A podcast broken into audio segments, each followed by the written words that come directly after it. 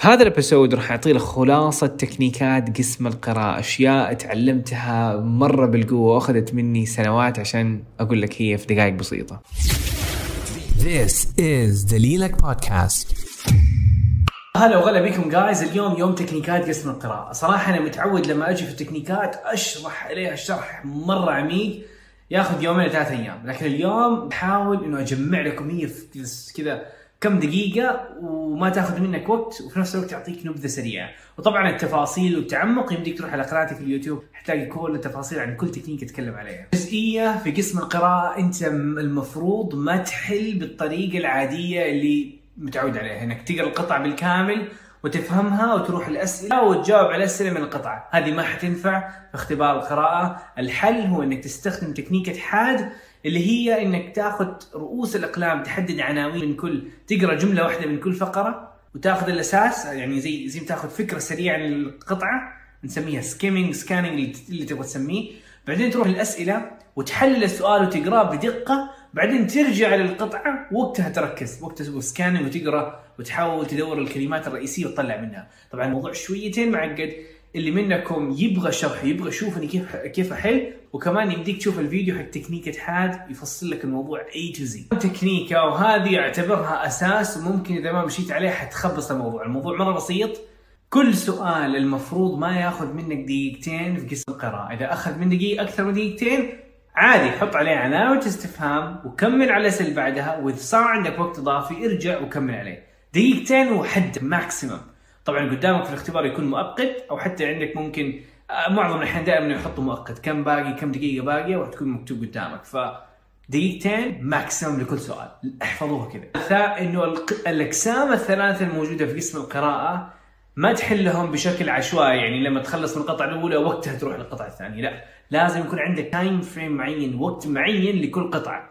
فإذا كان مستواك مبتدئ تبغى درجة أقل من خمسة أفضل تكنيكة ليك وإذا مستواك مبتدئ إنك تعطي 30 دقيقة القطعة الأولى 25 دقيقة القطعة الثانية والقطعة الثالثة تعطيه 5 دقائق بس مستواك متوسط هذا معناه إنه أنت تقدر تستوعب بشكل أسرع. فوقتها تعطي 20 دقيقة 20 20 إذا كان مستواك متقدم أصلا يعني مستواك أصلا قوي يمديك وقتها تعطي 15 20 25 لأن دائما القطعة الثالثة تكون معقدة لغة. سؤال عبد الرحمن إذا أنا ماني عارف كيف مستواي إيش التكنيك اللي حتناسبني حق تقسيم الوقت؟ هل هي 30 25 5 ولا 20 20 20 ولا 15 20 25 الحل هو إنك تحل ب 20 20 20 وتشوف كم جبت في الاختبار حق القراءة. إذا كنت جايب أقل من خمسة أنسب لك إنك تروح للتكنيك حق المبتدئين. إذا جايب خمسة ونص أمشي عليها خليك استمر عليها.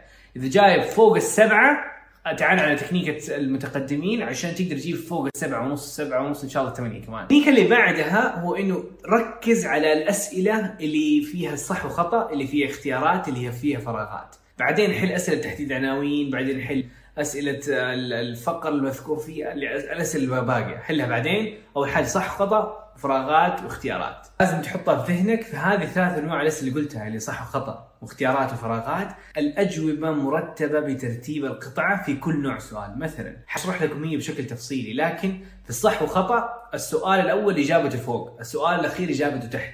السؤال الثاني مستحيل تكون إجابته قبل إجابة السؤال الأول. فاهم علي؟ انه القطعة مرتبة بترتيب الأسئلة.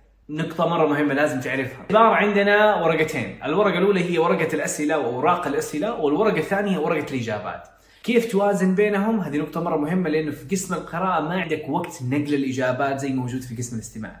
فهنا ركز معايا لما تحل مثلا صح وخطأ لما تحل ثلاث أربع أسئلة مع بعض وقتها انقلها في ورقة الإجابة، لا تنقلها سؤال بسؤال. لكن إذا كانت فراغات حاول تنقلها على طول في ورقة الإجابة بدل ما تكتبها في ورقة الأسئلة وتحط عليها صح.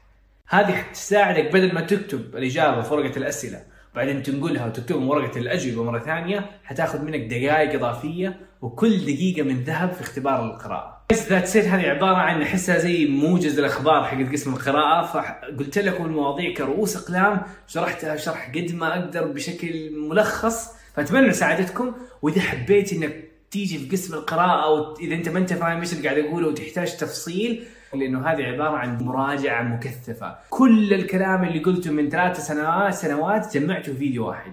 تقريبا 60 دقيقة بتكلم فيه كل كبير وصغير عن قسم القراءة بالتفصيل. أو تبحث في اليوتيوب مراجعة مفصلة أو مراجعة مكثفة لقسم القراءة.